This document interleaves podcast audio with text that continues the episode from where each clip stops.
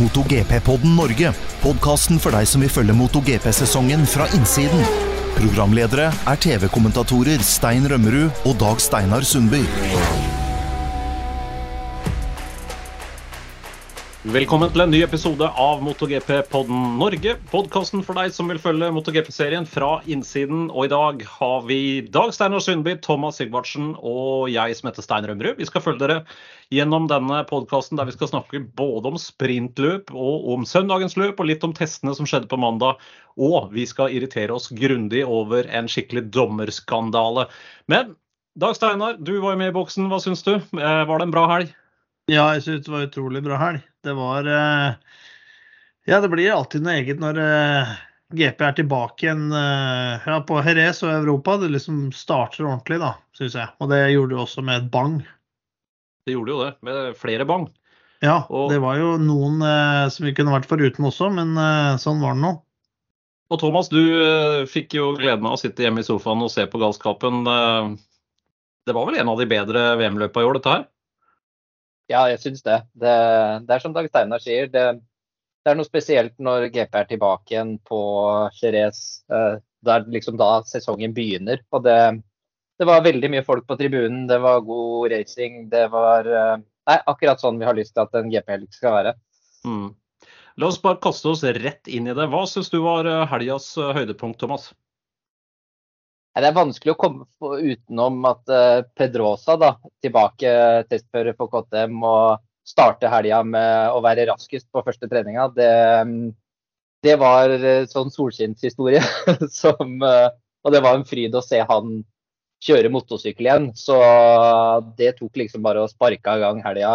Eh, så fikk vi Ja, det var masse liv på tribunen. Det blei liksom akkurat de rammene jeg har lyst til å se fra sofaen. Så, så jeg syns eh, det er mange, mange høydepunkt. eh, det er vanskelig å trekke frem liksom én hovedting. Det var, eh, var mye bra. Dag Steinar, høydepunktet ditt i helga? Bortsett fra ja, er- selvfølgelig å være med i kommentatorboksen. Ja, det, det var jo helt utrolig, det. Å være der sammen med deg. Eh, nei, men det er litt som Thomas sier, det er selvfølgelig Pedrosa, åssen han dro i gang helga med det. Men også eh, mye publikum og hele den saken her. Men også da eh, tror jeg hele kjøringa til de KTM-føra, de tre KTM-føra i, i toppen der. Eh, Binder, Miller og, eh, og Pedrosa. Syns de bøy på utrolig bra show, selv om det var da Eh, Bagnaya som stakk av med seieren i hovedløpet, sånn, så, men allikevel den måten eh, KTM har kommet fram på der, og så selvfølgelig rammene rundt hele, hele, hele helga med publikum og alt som var full gass fra, fra fredagen, liksom. Mm. Samme her. Ja, akkurat samme. KTM syns jeg var eh, helgas høydepunkt. Det var så bra racing. Jeg syns jo den fighten mellom Binder og Miller på lørdagen, det er noe av det råeste vi har sett på veldig lenge. Og jeg har sett eh, hele greia i reprise, og det er, eh, det er skikkelig bra racing. Og eh, veldig gøy å se på. Og jammen ble det jo en, nesten en reprise på det på søndagen også. Det ble en bra fight mellom de to. Så jeg syns jo det eneste som ødela litt for min del, og som bremsa på en måte, eller dempa gleden litt, det var jo dommerne, rett og slett. Jeg syns det hagler på med straffer nå som er helt meningsløse, men det kan vi kanskje komme tilbake til etter hvert. Jeg håper ikke at det er måten det skal gjøres på fremover, i hvert fall, for da tror jeg vi da blir det ødelagt mye bra racing, og det vil vi jo ikke. For dette er jo en eh, befriende motorsport sammenlignet med mye annet, annet vi ser, som eh, er påvirka av ganske ivrige dommere, syns jeg, da. Så tilbake til det, til sprinten på lørdag. Det ble jo som nevnt en fight mellom særlig de to eh, KTM-førerne Binder og Miller, men Bagnaya var jo der, han også. Og til slutt så var det jo Binder som klarte å, å sikre seg den tolvpoengeren i sprintløpet. Nå ser vi jo at han har begynt å kvalle bedre, Dag Steinar. Er er det det som gjør det, at han er med hele veien nå? Ja, det er mye det. Helt klart. At han, eh, og nå er han jo nummer tre i sammendraget også, så, men kvalen har jo blitt viktigere og viktigere i MotoGP. Og den røffheta og litt sånn offensiviteten i de første rundene, særlig første, har jo blitt mer og mer viktig nå for å, for å være med. Nå er Binder en som klarer å kjøre forbi. Allikevel, selv om eh, det skal bli Eller folk sier at det er veldig vanskelig nå, men type sykler vi har nå med winglets og alt det her, men klart det hjelper. Det er, blitt, det er veldig viktig å kvale på de to første rekkene nå i MotoGP for å ha en bedre sjanse til å være med hele veien inn. Mm. For Hvis vi ser på statistikken til Binder historisk sett, så har han jo hatt litt dårlige kvaler. Men vi har hele tiden sett at han har kjørt seg opp mange plasser i løpet. Så han er jo en skikkelig effektiv racepilot. Han klarer å finne løsningene, han klarer å passere, han klarer å ta plasser hele veien. Og han jobber seg opp gjennom feltet. Det, det så vi hele fjor. Det var vel nesten ikke et eneste løp der han ikke kom i mål på en bedre plassering enn den han kvala inn på. og jeg har liksom venta litt på det, at han skal få til disse kvalene sine og får et bedre utgangspunkt, sånn at han kan bruke løpet på å fighte om pallplasser i stedet for å kjempe seg fra en 11., 12., 13. plass og opp til kanskje 5., 6. Mm. Og det så vi jo litt nå. Eh, Thomas, eh, hva er forskjellen? Hva er det, som, hva er det KTM har gjort nå som de ikke har gjort før? Nei, nå har jo KTM fått, uh, eller Pedrosa har fått jobba en stund med sykkelen. Eh, det har vi vært inne på tidligere. Vi har snakka om det tidligere. Ducati, hvor, hvor, de har vært flinke, og de har jo hatt uh, brukt uh, aktivt testførere gjennom sesongen, gitt dem wildcard, vært veldig flinke på det testprogrammet. Og der har KTM kopiert litt av det nå, og, og hatt da uh, Fått også selvfølgelig mye inn med Miller. tatt veldig mye av de tilbakemeldingene, men også latt Pedrosa gjøre veldig mye tester. og jeg tror tror vi ser litt resultat av det nå, for nå begynner de liksom å levere en, en veldig bra pakke. Eh, selv om jeg syns Binder kanskje klemte ut litt ekstra av den sykkelen eh, de løpa i forhold til Ducatien. Du så han måtte, måtte jobbe mye mot Bagnaya der. Men uh, de har fått det programmet der til å virke veldig bra og er, utvikler en veldig god sykkel. Og så har Binder har vist tidligere, senest Argentina, at man kan han kan starte litt lengre bak og kjøre seg opp. Han gjorde jo en første runde der som var helt enorm. Eh, men nå gjennom helga så var det jo det var jo noen rødflagg, så det ble noen omstarter. Men KTM-førere og samtlige KTM-førere var jo ekstremt startraske. Eh, mm. Og det er også, som vi ser Aprilia sliter mye med, da, og får et dårlig Selv om de har OK kval, så får de en dårlig førsterunde. Og der gjorde kanskje KTM det største steget nå i helga. Eh, at de kom fort av plata og var med allerede i første sving. Mm. En av de kanskje mest kjente MotoGP-reporterne er Peter Bom, som jo var bl.a. crewchief for Stefan Bradel det året han ble verdensmester i Moto 2. Han uh, fortalte at han hadde fått se telemetrien til uh, KTM-gutta, både, både Binder og, Miller, og han sa at de han har ikke sett sånne 0-100-tider på en MotoGP-sykkel eh, før noen, noensinne. Man snakker 0-100 på 2,1 sekunder. Det er ganske heftig. Eh, det sier jo litt om hva slags akselerasjon det er. for Vi ser det jo fra starten. De er jo de er der med en gang, begge to. Både, både Binder og Miller. Og de er utrolig raske fra, fra start. Ser ut som den, han har mye traction. Det er vanvittig bra akselerasjon. Og nå har jo, så ser det ut som den egentlig funker bra i hvert fall i Jerez på, på, en hel runde. Men det, vi har jo sett det før også, at i enkeltløp så har eh, KTM-ene vært veldig bra. og Jeg husker jo Dag Steinar, at vi sa i fjor under en av sendingene at nå ser det ut som KTM-ene er der. Nå mm. kommer de til å være med framover. Men de dabba av igjen. Så det er jo spørsmålet er dette et blaff, eller har, kommer de til å stabilisere seg?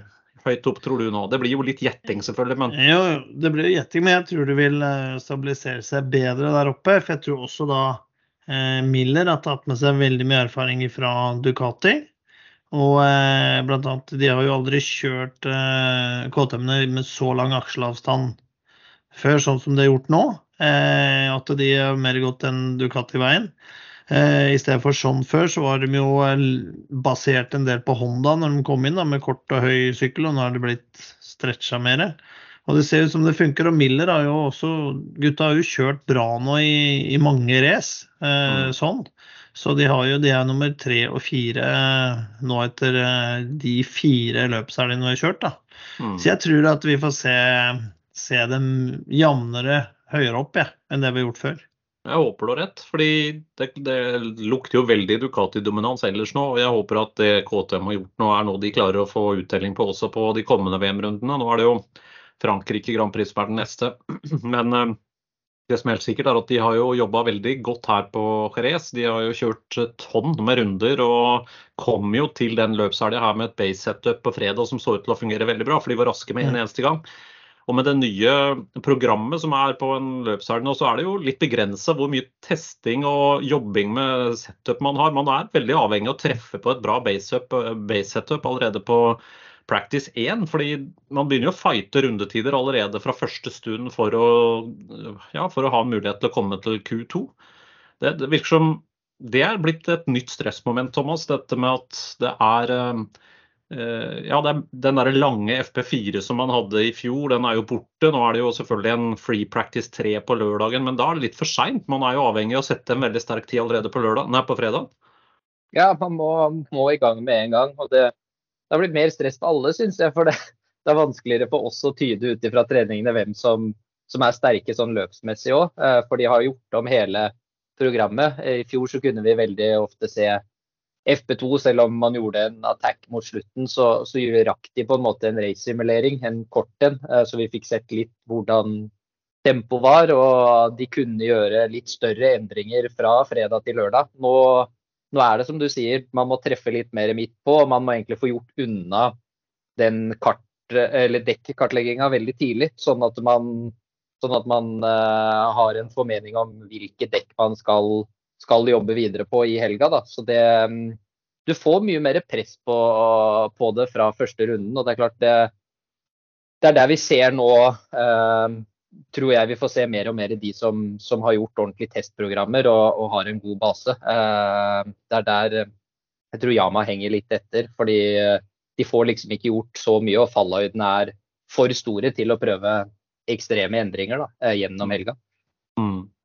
Og Det ble en elendig helg for, eh, for Yamaha med, med Quartararo og Morbidelli. Begge fikk jo long lap penaltyer. Og det var mye stang ut. Sånn som Quartararo han ble jo Eh, på en måte litt offer for, eh, for dommerne, syns jeg, da, på, på, søndagen. Det ble jo eh, en omstart etter en krasj allerede i sving to i løpet. og da var det jo Quartararo som fikk skylda der. Jeg har sett på reprisen flere ganger. Han ble jo skvisa egentlig mellom Betzecchi og Miguel Oliveira uh, idet de går inn i sving to. og det, De hekta jo, og Oliveira ble jo slengt over på den høye sida, landa på skuldra, slo skuldra ut av ledd, så han uh, er jo skada. Quartararo fikk en long lap penalty som han måtte ta i omstarten. Jeg, etter, etter mitt skjønn, har jeg sett veldig mange dommeravgjørelser i løpet av de 25 åra jeg har eh, kommentert internasjonal racing, men den her syns jeg var tvilsom. Eh, hva tenker dere?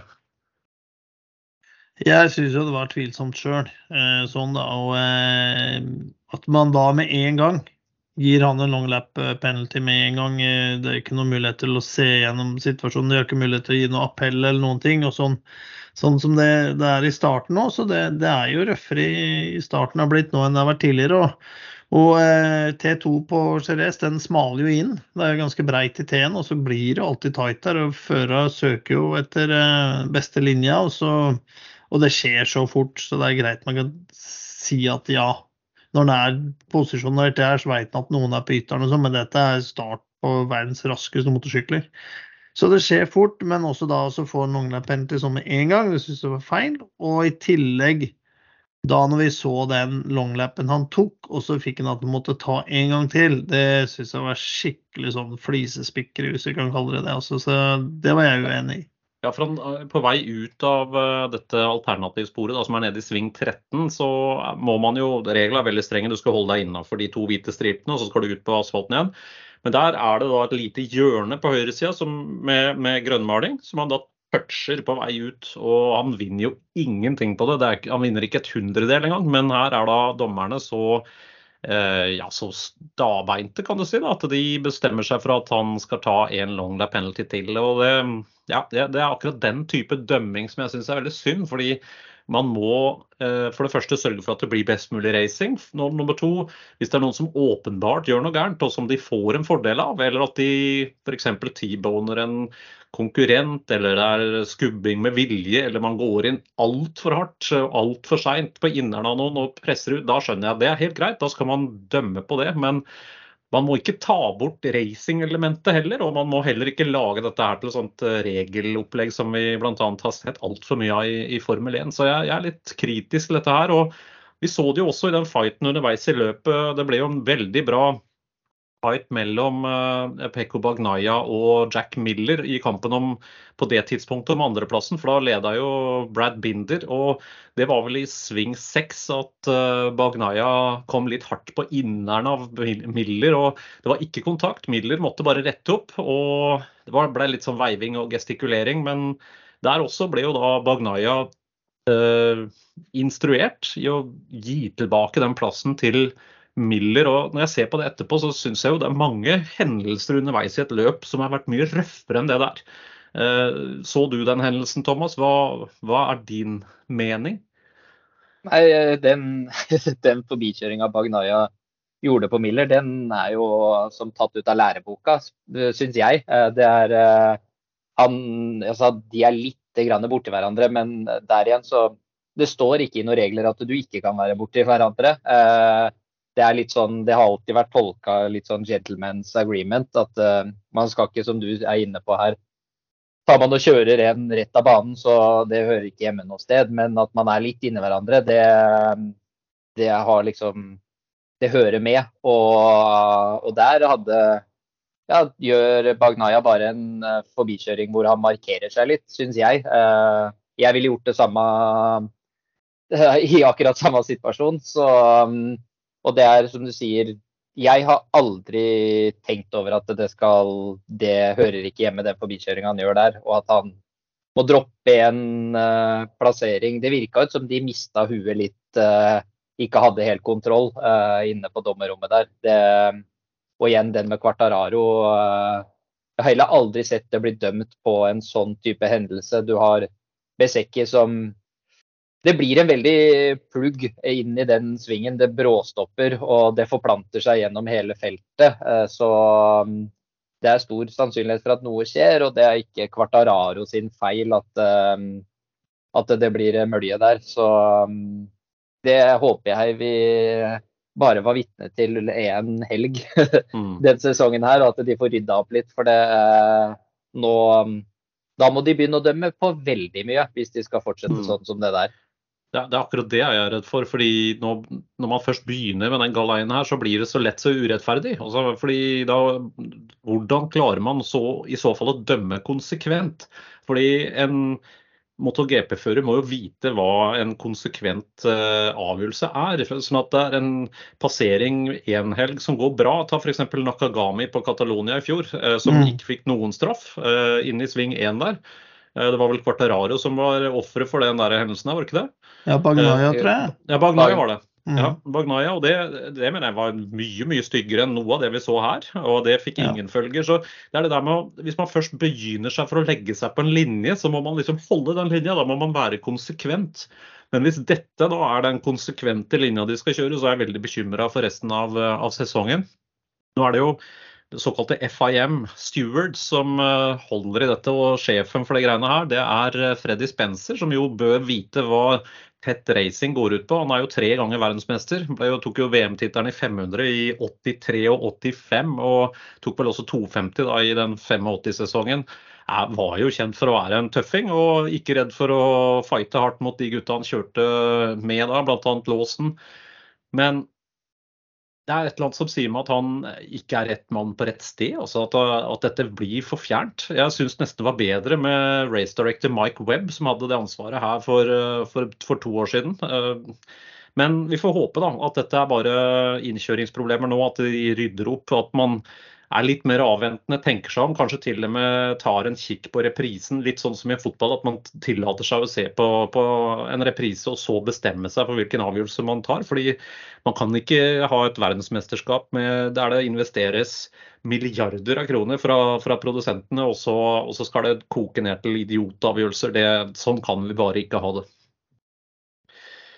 Mm, skal vi litt tilbake igjen til VM-tabellen. Vi har jo nå Bagnaya i tet. Han har 87 poeng.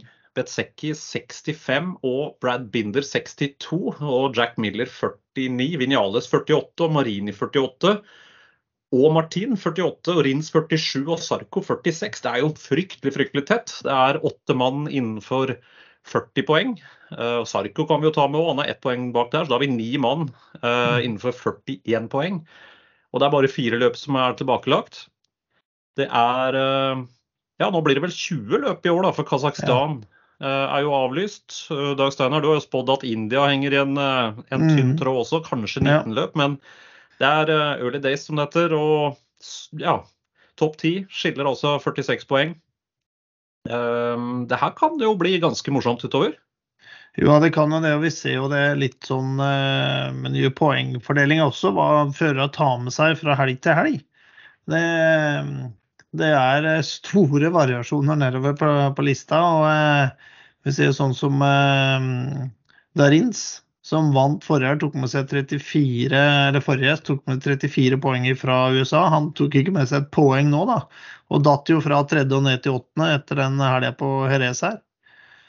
Så eh, jeg tror eh, det er mye utslag. Quartararo har ikke tatt poengen omtrent i et sprintrace, vel. Han har tatt ett poeng. Ja, og, det stemmer det. Det er, det er nummer ni i sprinten på, i Argentina, så ett et sprintpoeng har han. Og eh, nå er jo Quartararo og Morbidelli etter hverandre på lista 11 og 12 da, med 40 og 34 poeng, så det er jo ikke noe hipp hurra for, for, Yama. Og, men det var litt som, som dere sa i stad i forhold til det å få fredagen og finne den rette settinga. Vi så jo da den betydningen av å ha mange førere på samme sykkel sånn som Dugati gjør. For Bagnaya var jo ganske lost på fredag, fikk ikke ting til å funke. Og de hadde satt seg ned og sett på alle dataene fra alle Ducati-førerne for å finne en løsning for Bagnaya. Vi kan vel si at de fant vel den eh, ganske greit eh, til slutt. Ja, Det her ser man jo styrken i å ha så mange sykler på griden. Da. fordi Det vil jo alltid være en Ducati-fører som er god, eh, selv om Bagnaya sliter. så Det var vel det han oppdaga her, at han mm. var litt off på fredag. Og så fant de ut OK, vi, hvem av de åtte er nå best? Så tar de ut telemetrien, sammenligner dataene til den beste Ducati-føreren med hans data, og så ser de oi, her er det i hvert fall to svinger eh, hvor jeg taper mye. Og så gikk de inn og begynte å endre både på traction control og på engine brake, og, og, og så på inngangshastighet, bremsepunkter, hele den biten der. Og, og klikk, så satt det. Mm. Yama har jo ingen mulighet til å gjøre det. Morbidelli er jo off sånn generelt, men Quartararo er jo aleine. De, de, er litt i ingenmannsland nå, altså.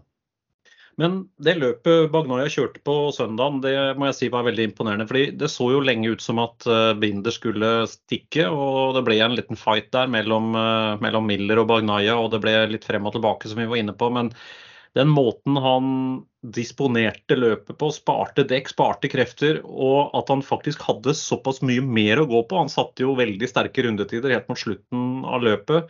Det var, eh, det var imponerende. Ja, det er jo litt sånn, uh, sånn verdensmestertakter over akkurat det løpet der.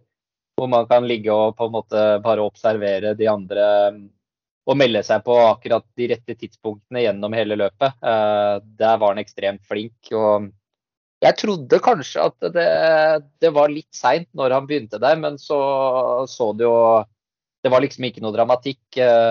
Som jeg var inne på i stad, det så ut som bindet klemte ut det som var, og litt ekstra av den KTM-en. Spesielt inn i T6 etter bakre langsida der. Så han hadde jo bakhjulet først inn hver gang han bremsa og klemte på. Så, mens Bagnaya gikk det jo bare snorrett med. Så, mm. Og kan liksom gjøre de temposkiftene når han kommer seg forbi, kommer seg enkelt og greit forbi. Altså det, det var veldig godt planlagt og, og god gjennomføring. Så Fortsetter han sånn, så, så, blir han tøff resten av sesongen. Det er ikke noe å mm. lure på.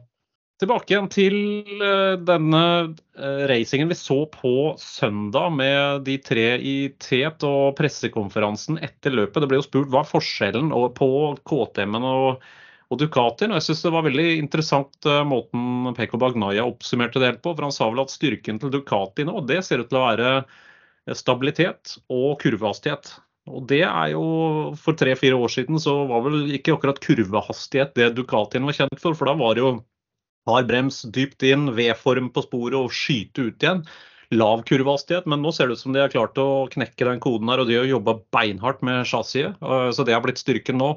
Han mente jo at eh, styrken til KTM-en er nok mer brems og ikke minst traction, da. Eh, så akselerasjon ut. Så det er jo det er interessant, og det viser jo kanskje at KTM nå, nei, at Ducati nå har faktisk klart å knekke den koden på de tinga de, de, har slitt med. Det, det har vi jo sett for så vidt da, i den VM-tittelen han tok i fjor, men kanskje enda mer i, i år. Eh, eller hva sier du da, Steinar? Jo, jeg tror det at det har vært en forandring. for Jeg føler vel også litt den forandringa med hvordan å kjøre Ducatien. Den kom med Bagnaya når han kom via Pramac-teamet. Og sånn som Medovi, eh, som var med på utviklingen hele veien fra 2013, han hadde jo en uh, måtte lage seg til en annen stil, og syntes det var vanskelig å få snudd den uh, Ducatien. Det var jo det som var hoveddelen da. Føler vel at da fra Pekka Bagnayan når han begynte også å pushe på å levere bedre og bedre, at de heller lente seg mot hans kjørestil og kunne finne ut noe av det, og så løser det den veien. Og vi mm. ser jo det nå, alle de andre, de unge førerne Sånn som Betsecki og eh, ja, også Martin.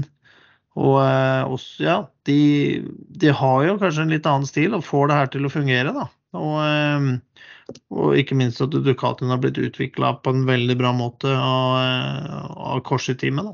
Hvis vi ser på Aprilia den gangen her, det er ikke noe stor helg i Spania med Vinjale, som tok vel bare tre poeng hele helga. Det var eh, sprintløpet på, på fredag. Mens eh, Aleix Espargaro, det ble jo krasjing på fredagen. Tok jo elleve poeng. Det er vel en femteplass på løpet på, på søndag. Litt nedtur? Det var jo det. det klart tilbake i Spania for begge de to. Det da, da, blir det mye kjøring med hjertet. Så, men de er, eh, som vi sa litt tidligere, KTM ekstremt raske ut av startplata, og Aprilia var ekstremt dårlig ut av startplata. Um, Vinales hadde jo en veldig bra start uh, før restarten i, i, hovedløpet. Da var han jo oppe på fjerde-femteplass der på første runde. Men så så det ut som den sykkelen ikke var mulig å starte når de hadde restarten. Så de har en jobb å gjøre, selv om de har sagt det tidligere òg, spesielt Vinales. Men, eh, men der blei på en måte han et offer for, eh, for dårlige starter, Vinales og, og Espargaro som krasjer ut. Da. Så, hva, hva, skyldes de dårlige startene? Du ser at de eh, første, første starten der, nå har jo Vinales jobba ekstremt mye med start. Og første starten i hovedløpet syns jeg han Da kom han jo veldig bra av plata. og Jerez med, med da sving 1 og 2 som det stopper helt opp i, så er du egentlig avhengig av å være ganske høyt oppe for at du ikke blir, blir liggende i den trekkspilleffekten som blir da gjennom sving nummer to. Uh, så, men det ser ut som det egentlig er uh, i hovedsak uh, setupet deres på hvordan startene blir gjort. For de er veldig raskt opp på bakhjulet og blir liggende der og taper eh, veldig mye akselerasjon til de andre. Så um, taper jo fem-seks plasser bare ut av, ut av grid. Og det var jo en eh, vanvittig publikumstilstrømming den helga. Var det ikke 165 000 betalende innenfor eh, porta i løpet av fredag, lørdag, søndag totalt der, Steinar? Jo, det var noe sånn, men jeg tror faktisk ikke det stemmer helt. Jeg tror det var flere. jeg. For de har jo sånn rar regnemåte der nede, åssen de eh, teller og ordner. Jeg tror jeg, Når vi har sett fra tidligere år, så jeg tror det, eh, det her var flere enn eh, det, altså. Men det er bare det at De har jo holdt på med litt sånn fake-tall i mange år. så De der glansordene når det var en kvart million innom og sånn, det, det var antageligvis litt oppblåste, tall. Jeg, jeg, så det kan være at de gamle tallene som er for, for høye. Men det var utrolig bra stemning, og vi så det jo på på fredagen når eh, førerne blir frakta rundt på den der parade lap eh, der de står på en tilhenger. Og Dani Pedrosa fikk jo Ja, det var jo mange titusener som bare ropte i takt eh, navnet hans. Så det var veldig bra stemning. Ja, vi har, vi har savna det, så det er jo utrolig bra at det er, er tilbake igjen. Vi får virkelig håpe at, at, det blir litt sånn fremover. Det der konseptet med sprintløp skulle jo dra opp interessen på lørdager, og det ser jo ganske vellykka ut så langt, da. Mm. Det, det, gjør noe. Eh, jeg tror det blir bra framover, for neste er jo Le Mans. Og der er det jo også folkefest. Ja, det er eh, da om ca. 14 dager da, etter denne eh, VM-runden som vi har kjørt nå. Nå spiller jo vi inn dette på onsdag 3. mai. Og den VM-runden er jo da om ca. Ja, ti dager fra nå. Um, hva kan vi forvente oss der, tror du? Litt kaldere vær. først. Eh, nei, det er jo en helt annen banelayout og sånt nå, så det blir eh, Det blir jo alltid spennende, men også eh, Vi har jo sett før at altså, været spiller en stor rolle ofte på Le Mans. Så eh, det er jo eh, fremdeles på våren, og vi har jo vært der flere ganger, og det er jo på og sånt noe, så racemessig så tror jeg det er jo Ja, jeg vil jo si at Bagnaya er jo den som er den vi forventer er mest solid, så at det, det blir nok eh, noe i den retningen, tror jeg.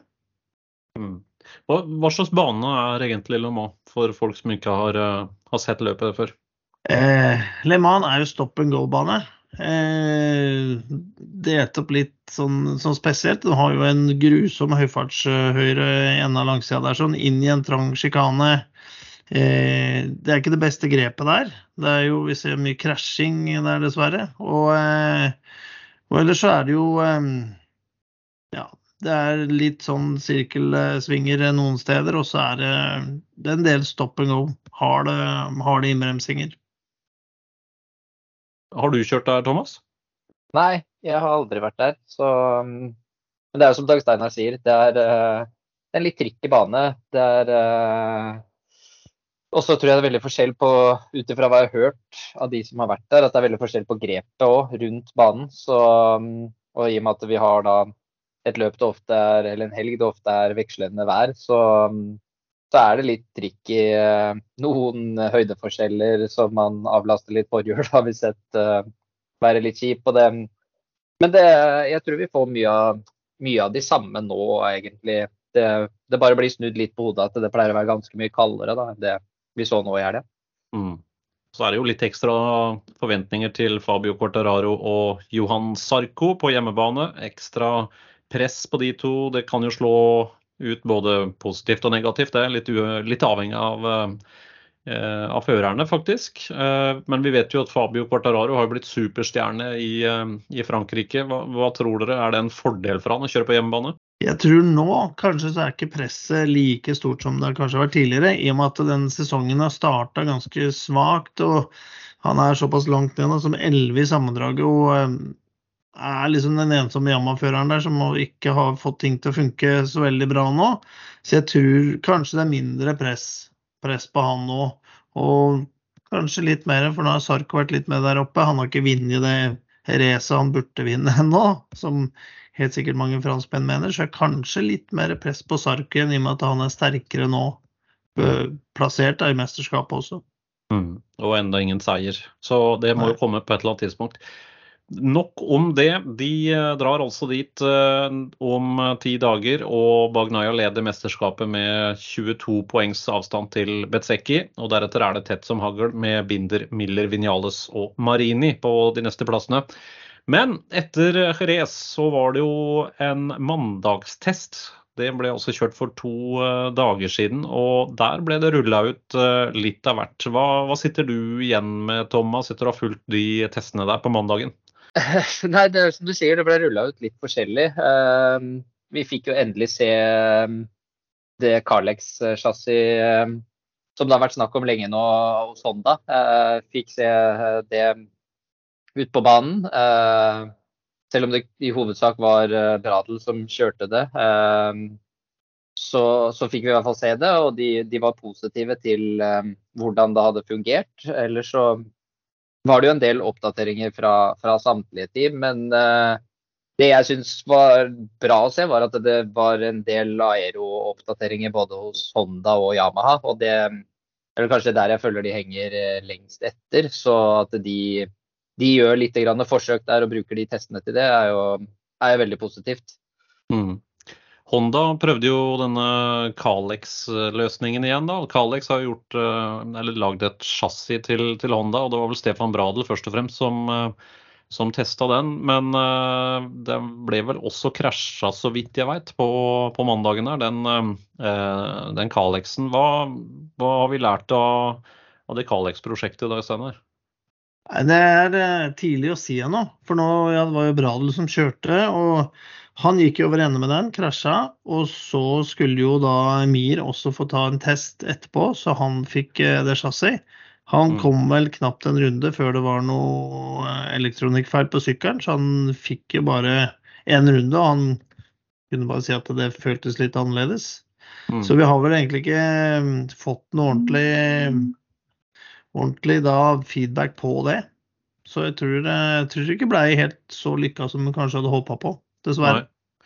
Og det, det, ser ut som Calix har gjort mer enn bare enn å, å kopiere en, en Honda-ramme. Men de har, de har, jo brukt kanskje Honda-ramma som base for å få motorfester og sånt til å bli riktige. Men de har jo virkelig integrert den ramma der i, i chassiset som helhet. De har jo en, det er en Calix-svingarm som de hadde fra før. Den blir jo nå brukt på, til den Calix-ramma. Og ikke bare det, men de har jo også eh, Calex, eh, den trippelklampen og den øh, på headstocken der, det, er jo også Calex. Og øh, det er tydelig at de, de, de, gjør dette her for at Calex da skal kunne analysere det på riktig måte og ha kontroll på hvert fall de enhetene de vanligvis øh, har. Så det, det her er jo Det lukter jo litt sånn Moto 2 Kalex-satsing dette her, på den måten at de, de, leverer alt det som vanligvis blir brukt i, i Moto 2 fra Calex. Jeg må si jeg er veldig overraska. HRC har jo aldri gjort dette her før. Litt sånn er det én fabrikk i verden som burde kunne lage bra MotoGP-sjassier, så er det jo Honda. Men hvorfor i alle dager eh, velger de å la tyske Calex produsere denne her? Vi var jo så vidt inne på det på en tidligere episode, Thomas. Men hvordan tolker du dette valget?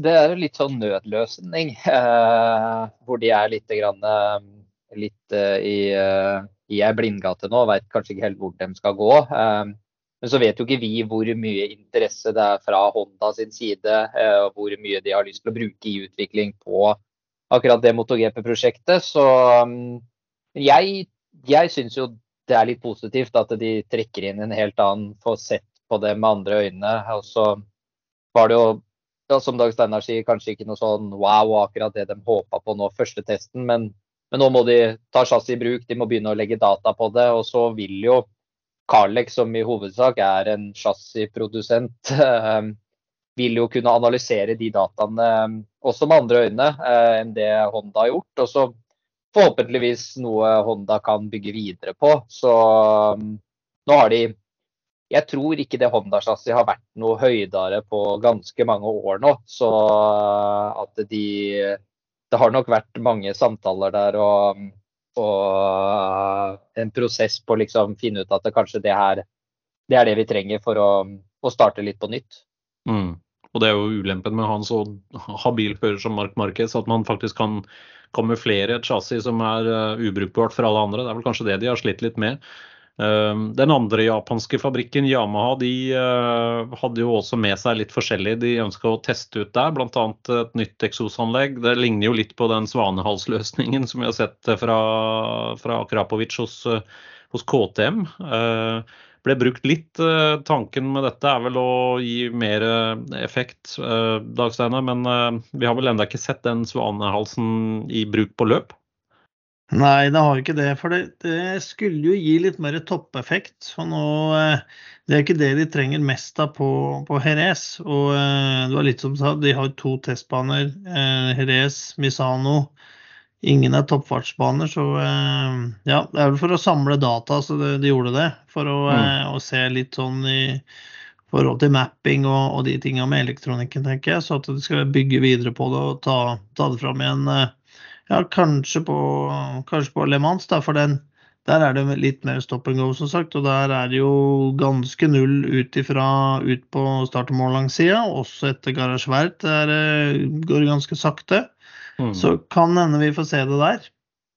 Quartararo var sånn ganske OK fornøyd med den eh, mandagstesten. Han sa jo at de hadde testa veldig mye med, på varm asfalt for å se, og, og, og lite drivstoff da, for å se om uh, hvordan, eh, hvordan chassis oppførte seg. De prøvde jo forskjellige eh, oppsett der, og han fikk jo noen ganske bra rundetider på slutten. der. Han var jo en av de raskeste, om ikke den raskeste, på, på testen der. Um, KTM de hadde jo med seg veldig mye forskjellige aeropakker, og bl.a. da med utgangspunkt i noe av det vi så på Dani Pedrosa sin sykkel eh, da han kjørte wildcard den helga her. Eh, blant annet så kom de jo med en sånn stor eh, sidepod, som de kalte det, som gikk seg helt fra toppkåpa helt ned på, på, helt ned på sida av kåpa.